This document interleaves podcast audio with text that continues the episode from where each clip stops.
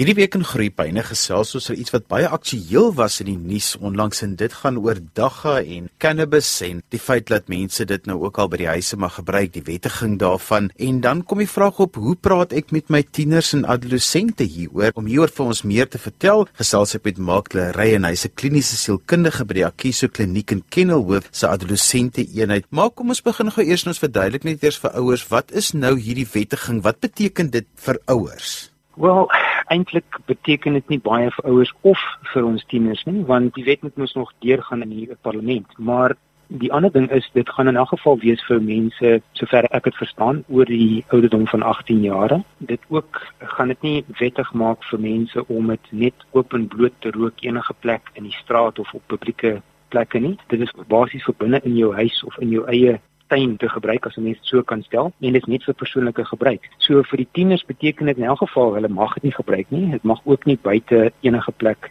gebruik word wat nie binne in jou in 'n mens eie huis is nie. Hulle gaan nog besluit oor watter kwantiteit dit sal wees wat 'n mens mag gebruik. So eintlik vir die kinders beteken dit niks nie. Hulle mag dit nie gebruik nie. wat dit sin maak. Maar so as jy nou met tieners praat dan sê hulle verstaan hulle almal dit in elk geval verkeerd soos hulle dit graag wil verstaan. Maar hoekom gebruik of eksperimenteer tieners baie keer met middels en afhanklikheid met dwelmmiddels? Wel, daar's heel wat redes daarvoor.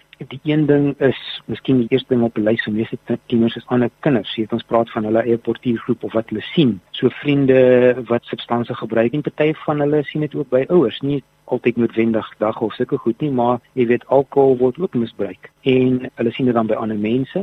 Dis ook deel van die populêre kultuur as 'n mens so kan stel, wie weet die sosiale media, YouTube, movies, TV, daai tipe ding word dit gewys as iets wat of goed is of cool is of so. Hulle kan verveeld wees. Ek weet dit klink nou soos 'n slegte verskoning, maar as hulle verveeld is, basies niks anders doen nie, dan kan hulle dit sien as 'n manier om goed te doen kyk bloot om rebels te wees ook. Ons gaan nou deur 'n fase, jy weet kinders enigiets van die 12, 13 af tot so 17, 18 of miskien nog ouer is, is basies maar besig om deur 'n fase te gaan waar hulle rebels is teenoor oor goed. Ander dinge kan wees 'n lae selfbeeld of lae selfvertroue. Jy weet as ou nou 'n drankie vat of ietsie rook, dan voel jy nou bietjie meer asof jy meer kan praat met mense. Ook dan van inligting. Jy weet, hulle is baie maklik om by Dr Google uit te kom en jy weet as jy nou gaan soek vir wat jy wil hê, gaan jy dit kry. As jy ook inligting soek oor hoekom dit goed is vir jou om te gebruik, dan sal jy dit ook kry. So jy weet daar's baie faktore wat daar inkom. Die ander ding is ook enige, jy weet die kinders se geestelike gesondheid. As 'n kind sukkel met enige psigiatriese kondisie soos angs, depressie, ADHD, ek weet nou regtig nie wat ons dit in Afrikaans noem, maar ADHD, enige trauma wat 'n kind deur is of wat hulle self deurgemaak het of gesien het, dit kan wees dat hulle ongeluk gesien het of iets gesien buitekant wat vir hulle dan sleg laat voel het en dan bloot impulsiewe gedrag. So daar's 'n hele klomp faktore wat inkom. Maak dit altyd vir my so ironies, daar's so baie wismakingsprogramme wat kinders teen die gevare van dwelms waarsku. Daar word met jeuggroepe, kerke, uh, organisasies, maar dit neem nie af nie. Dit bly nog steeds vir my voel asof dit net aan die toeneem is die probleem ek stem met jou saam. Dit is van die toeneem. Jy weet, weer eens dit gaan oor en ek wil nie die vark in die verhaal maak soos hulle sê nie, maar jy weet sosiale media is deesdae dinge is so maklik dat mense kan lees en sien en Pinterest en wat ook al kyk wat ander mense doen. Dis een ding. Die ander ding is so daar's 'n gedeelte van die adolescente brein wat nog nie voluit ontwikkel is nie. En dit is jou prefrontal cortex of die cortex. Nou dit is soos 'n mens se bestuurder as 'n mens dit so wil noem. Dis die gedeelte van die brein wat vir ons sê, kyk, kyk na wat is die situasie, maak jy weet beplan dan en doen dinge wat vir jou goed gaan uitwerk en in plaas van om dinge impulsief te doen. Nou daai gedeelte van die brein basies, party mense sê vroeg 20s, party mense sê tot in met 25 is daai gedeelte van die brein nog nie voluit ontwikkel nie. So daar's ook boonbehalwe die impulsiwiteit wat 'n gewone tiener het, fisies gesproke, die brein se ontwikkeling is ook jy weet nie op daai punt waar hulle baie keer baie goeie besluite kan neem nie. So die inligting wat hulle kry is daar, dit is daar weggesit in die geheue, maar hulle vermoë om daai inligting te gaan uithaal en te dan gebruik op 'n manier wat vir hulle nie in situasies is wat vir hulle gevaarlik is, is waar die probleem sit. So al die inligting wat hulle kry sit dalk daarso, maar hulle fisies gesproke kan dit eintlik nie baie keer gaan haal nie. So weer eens, dis nie as 'n verskoning nie, maar daar is ook 'n ontwikkelingsprobleem hierso wat dit moeilik maak. Maak as mense besoek aflê by 'n substansieafhanklikheidskliniek waar ehm um, dwelmverslaafdes gerehabiliteer word, dan is dit altyd so interessant as jy by hierdie ouer aande kom of familie aande kom dat die mense wat daar sit, is die laaste mense wat jy sou verwag het om daar te wees met 'n geliefde wat hieraan ly, want daar's soveel stigma om dit dat mense ook altyd dink maar dit tref alle lae van die samelewing. Dit is so waar. Ek dink ons self as ouers baie keer is deel van daai probleem want ons gesels nie onder mekaar oor wat aangaan nie. Baie keer voel ons of dink ons dat jy weet omdat almal om ons glimlag dat niks verkeerd is nie of daar niks fout is nie. So jy weet meeste van hierdie dinge met tieners, veral met substansie, begin nie met die substansie nie. Meerendeels begin dit by die dinge wat ons gesê het of wat ek voorheen oor gesê het. Selfbeeld, angs, depressie, jy weet daai tipe dinge. So dis weinig wat die probleem begin by die substans. Gewoonlik is daar 'n ander rede hoekom kinders dalk self-medicate om hulle self te probeer beter te laat voel. So baie keer is dit die beginpunt. En ongelukkig omdat die samelewing deesdae so besig is, ons spandeer nie genoeg tyd saam met ons kinders om met hulle te gesels nie. Jy weet te luister wat met hulle aangaan nie. En dit is nie dat ouers dit verkeerd doen nie, dis net jy weet baie keer is die tyd net nie daar nie. Wat ek probeer sê met dit natuurlik is dat dit kan gebeur met enige iemand as jy nie weet wat aangaan met jou kind nie, gaan jy ook nie weet as dinge begin skeefloop nie. Maar want een van die dinge wat die ouers altyd vir jou dadelik sê as jy met hulle gesels en sê in ons huis, is daar 'n reël, hierdie goed mag nie daar wees nie. Daai reël het nie noodwendig die tiener beskerm nie. Nee, ek dink dit is baie moeiliker deesdae want ja, eerstens die sosiale media maak dit makliker vir kinders om dinge te sien en te ervaar wat miskien 20, 30, 40 jaar gelede nie so gebeur het nie. Nommer 1. Nommer 2 is dat kinders oor die algemeen. Hulle gaan deur hierdie fase waar hulle besig is om mens te word soos my pa het vir my gesê jy's besig om mens te word nou. Maar waar ons ons eie identiteit soek dan word ons vriende baie belangrik vir ons. Nie dat die familie iets verkeerd doen nie maar net deel van daai fase. Nou begin hulle dinge deel met hulle vriende wat hulle eintlik met hulle ouers moet gesels oor. En dit is waar ons dan daai probleem kry. Hulle sal dit dalk nie in die huis doen nie maar buitekant word dit asof dit normaal is. En dit word gesien as normaal So vir hulle dan begin ons as ouers sien as iemand wat nie verstaan wat aangaan nie. En dit is weer eens hoekom ek sê dit is so belangrik om tyd te maak om met jou kinders te gesels, om te probeer verstaan wat dink hulle. In plaas van om vir hulle te sê want soos jy reg gesê het, is al die inligting is daar buitekant en is al hierdie veldtogte wat jy weet op die nuus is en die regering deurgesit word. Maar hulle het daai inligting. Wat ons miskien moet probeer doen as ouers is om te sit en sê, "Oké, wel, wat dink jy hieromtrent? Wat is jou gedagtes? Hoekom dink jy dis goed of sleg of daai tipe ding?" Want hulle wil gehoor word. Dit beteken nie dat as ons ons kinders hoor nie of na hulle luister nie, dat ons saamstem wat hulle idees is nie. Maar hoe meer hulle voel ons kan hulle hoor en luister sonder om te oordeel, hoe makliker is dit vir ons of vir hulle om met ons te gesels later van tyd.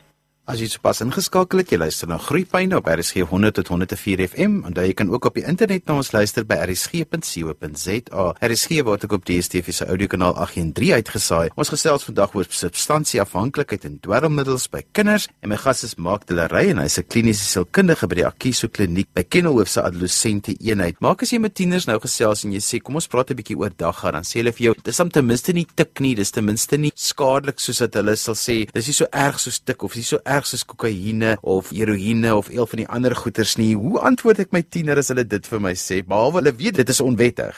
Dit gaan weer oor die feit dat hulle ook nie heeltemal regte inligting het nie.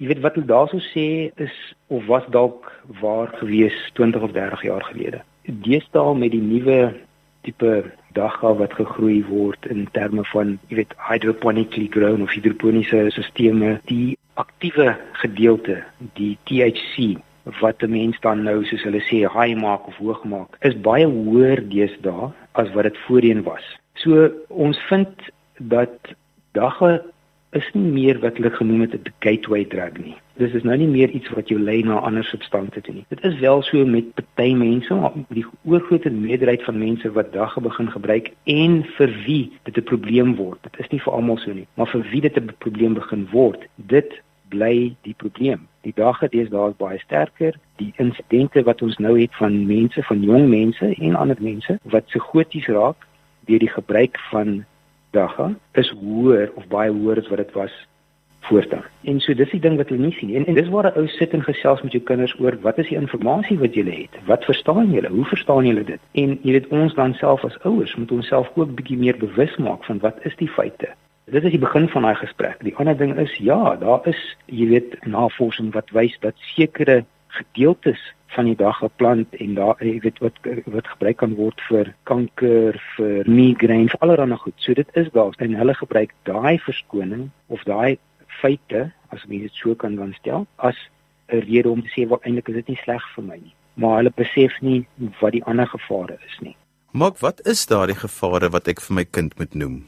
Wel, soos ek sê, die een ding is dat daar is 'n baie groter kans deesdae dat kinders gaan psigoties raak weens die gebruik van dagga. Dit sal nie noodwendig gebeur van een keer gebruik nie, maar die kanse is daar omdat dit soveel sterker is. Nommer 2, 'n persoon wat enige substansie begin gebruik in hulle tienerjare, dit daar's 'n baie hoër persentasie wat later aan dan ander dwelms gaan gebruik of 'n probleem gaan hê met 'n substansie. Daar is probleme met jou konsentrasie, daar's probleme met jou geheue, jy weet jou herhaling van inligting wat jy neergelê het. Daar is probleme met motivering met die gebruik van dag het al daai goed is daar. So dit is bewys veral in kinders wie se brein nog besig is om te ontwikkel. In ouer mense is dit nie jy weet so relevant nie. Dit natuurlik kan ook probleme wees maar in kinders veral met ons tieners daai is die goed wat regtig waar probleme vir hulle skep omdat hulle brein nog besig is om te ontwikkel. Boonbehalwe die feit dat dit vir hulle eintlik nog probleme by die skool geen skole gaan toelaat dat jy dagga gebruik nie. As jy dalk eendag een of ander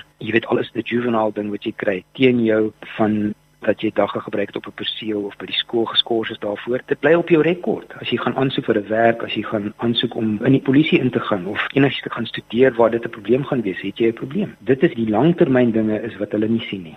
Maar kom ons praat gou oor hierdie gesprek. Meestal weet kinders wat is die ouers se opinie daaroor, maar 'n mens moet hierdie gesprek met jou kind aanpak. Wat is die regte tyd, plek en manier om dit te doen met jou kind? Wel, 'n mens moet eintlik jou tyd goed kies. Die slegste tyd is as jy nou net met hulle gestry het oor iets, dan begin jy nie die gesprek nie. Die ander ding is gewoonlik nie die etenstafel nie. Ek sê 'n mens moet jou blokkies tyd kies soos kom ons sê na etenstyd in die aand of dalk as 'n ou op pad na skool toe is of van die skool af na jy weet hulle buitensmuurse goedjies soos hulle sport of so. Hoekom ek dit sê is baie keer om daar te sit en jou kind in die oë te kyk, is dit maar bietjie moeilik vir hulle om met jou te gesels. So as 'n ou dit kan begin op 'n bietjie meer van 'n informele manier, dan is daar minder druk op hulle en ook minder druk op jou om die gesprek bietjie ligter te maak. Want as jy begin met 'n baie ernstige soort van kom ons sit nou en ons gaan hier oor gesels, dan gaan jy baie ver kom met hulle nie. So mense moet begin op 'n manier waar hulle hulle bietjie meer gemaklik voel. Ek sou sê dis die een ding. Die ander ding is hoe hoe doen 'n mens dit? Dit is belangrik om met 'n manier of te kyk na dit as jy wil inligting by hulle hê. Jy wil uitvind by hulle wat dink hulle en wat voel hulle oor 'n ding. In plaas van jy wil vir hulle vertel hoe sleg dit is. Dit moet nie die beginpunt wees nie. Dit moet wees dat jy ingaan in so 'n gesprek in jou eie kop met die idee ek wil uitvind, ek wil verstaan wat dink hulle en wat voel hulle oor hierdie ding. Weerens soos ek sê, om te hoor wat hulle dink en om te verstaan wat hulle dink en sê sê nie jy keer dit goed nie Maar as jy dit kan verstaan en hulle voel jy verstaan hulle en jy oordeel nie wat hulle dink nie, dan sal hulle sekerlik baie meer met jou kom gesels oor dinge. In plaas van as hulle dink elke ding wat ek sê vir my pa of my ma gaan hulle kwaad oor wees of hulle gaan vir my oordeel. So dit is belangrik en bly kalm vir alles wat met snaakse idees opkom. Bly kalm in daai situasie en bly nuuskierig oor wat dink hulle. Maar kom ons praat gou-gou oor toetsing. Mense kan baie maklik hierdie dwelmtoetse by enige kettingwinkel of apteek kry. Hoe benader ek dit met my kind want dan het ek mos nou al klare suspisie dat hulle moontlik al hierdie substansies kon gebruik het. Kyk, dis altyd 'n moeilike ding. Dit hang af hoe ou se verhouding is met jou kinders in terme van jy weet die oopheid van die verhouding wat jy het. Maar as jy suspisie het, jy begin 'n gesprek met hulle en sê kyk, dis wat ek voel. Ek is bekommerd dat jy dalk van hierdie substansie gebruik en ek voel ons moet 'n toets doen. Jy weet ek is nou nie 'n prokureur nie, so ek weet nie wat die wet presies sê oor dit nie, maar jy weet meestal sal jou kinders as hulle nie 'n probleem het nie, gaan hulle 10 teen 1 vir jou sê, "Oké, okay, ons kan dit doen." Ja, ek weet nie regtig wat om vir jou te sê op daai ene, dis 'n moeilike ene.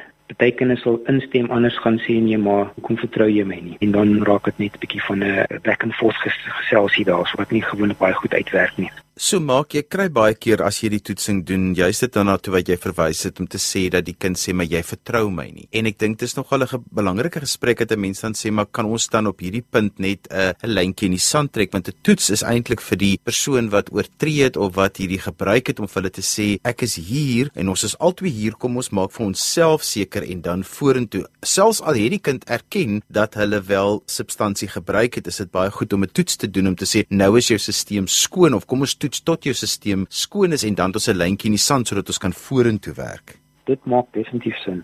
Die ander ding is ook om te sê kyk, dit gaan nie so baie oor wat ek nie vir jou vertrou nie, maar ek wil gerus voel. Ek wil gerus voel waar ons is op die stadium. Want ek as as jou ouer is, is bekommerd oor die skool en wat kan gebeur by die skool en wat kan gebeur met jou. So dit is nie soveel dat ek nie vir jou vertrou nie, maar ek wil ook gerusheid hê oor dit want baie keer dan sal dit ook vir hulle help om te sê ek ek sal instem. En die ander ding is soos jy self sê daarso, dit kan help as dit nou wel verstaan is of hulle sê dat hulle wel substansie gebruik of jy het uitgevind om te sê okay, ek gaan nou stop, dan sê jy okay, well, ek gaan jou help met hierdie ding. Kom ons toets nou, ons toets tot jy skoon is en dan kan ons so elke twee weke of so sal ons 'n toetsie doen net om vir jou te help. Jy weet, dan kom jy van die oogpunt af dat jy hulle probeer help en dit sal meer toeganklik wees aan hulle.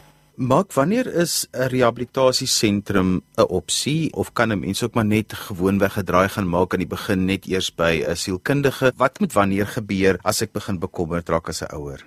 Ek dink dit gaan meer oor, jy weet, as jy die eerste keer uitvind dat jou kind dalk dagga gerook het of alkohol gebruik het of jy vind iets in die huis, dit sê nie dat die kind verslaaf is nie of dat daar noodwendige probleme met die substansie is nie dan die mens miskien kyk na wat is jou kind se gedrag. As daar groot verandering in gedrag is weer eens soos ek gesê het voorheen meeste van hierdie probleme of die probleme begin meer by wat die gemoedstoestand van die kind is. So as 'n ou begin begin sien dat daar groot afwykings of veranderings is in jou kind se gedrag dit is die tyd om te begin kyk. Dit kan al begin voor hulle substansie gebruik. En dan beteken dit 'n ou moet of behoort wel dan met 'n sielkundige of 'n psigiatër te gaan praat en dan kyk of hulle dalk ietsie uh, nodig het in terme van 'n uh, 'n program soos wat ons doen by ons kliniek. Want vir meeste kinders in hierdie ouderdomsgroep en ek praat nou van kom ons sê van 12 na so tussen so 12 en 18 of 19 meeste van hulle is nie verslaaf nie. Hulle is dalk besig om te gebruik dis een ding.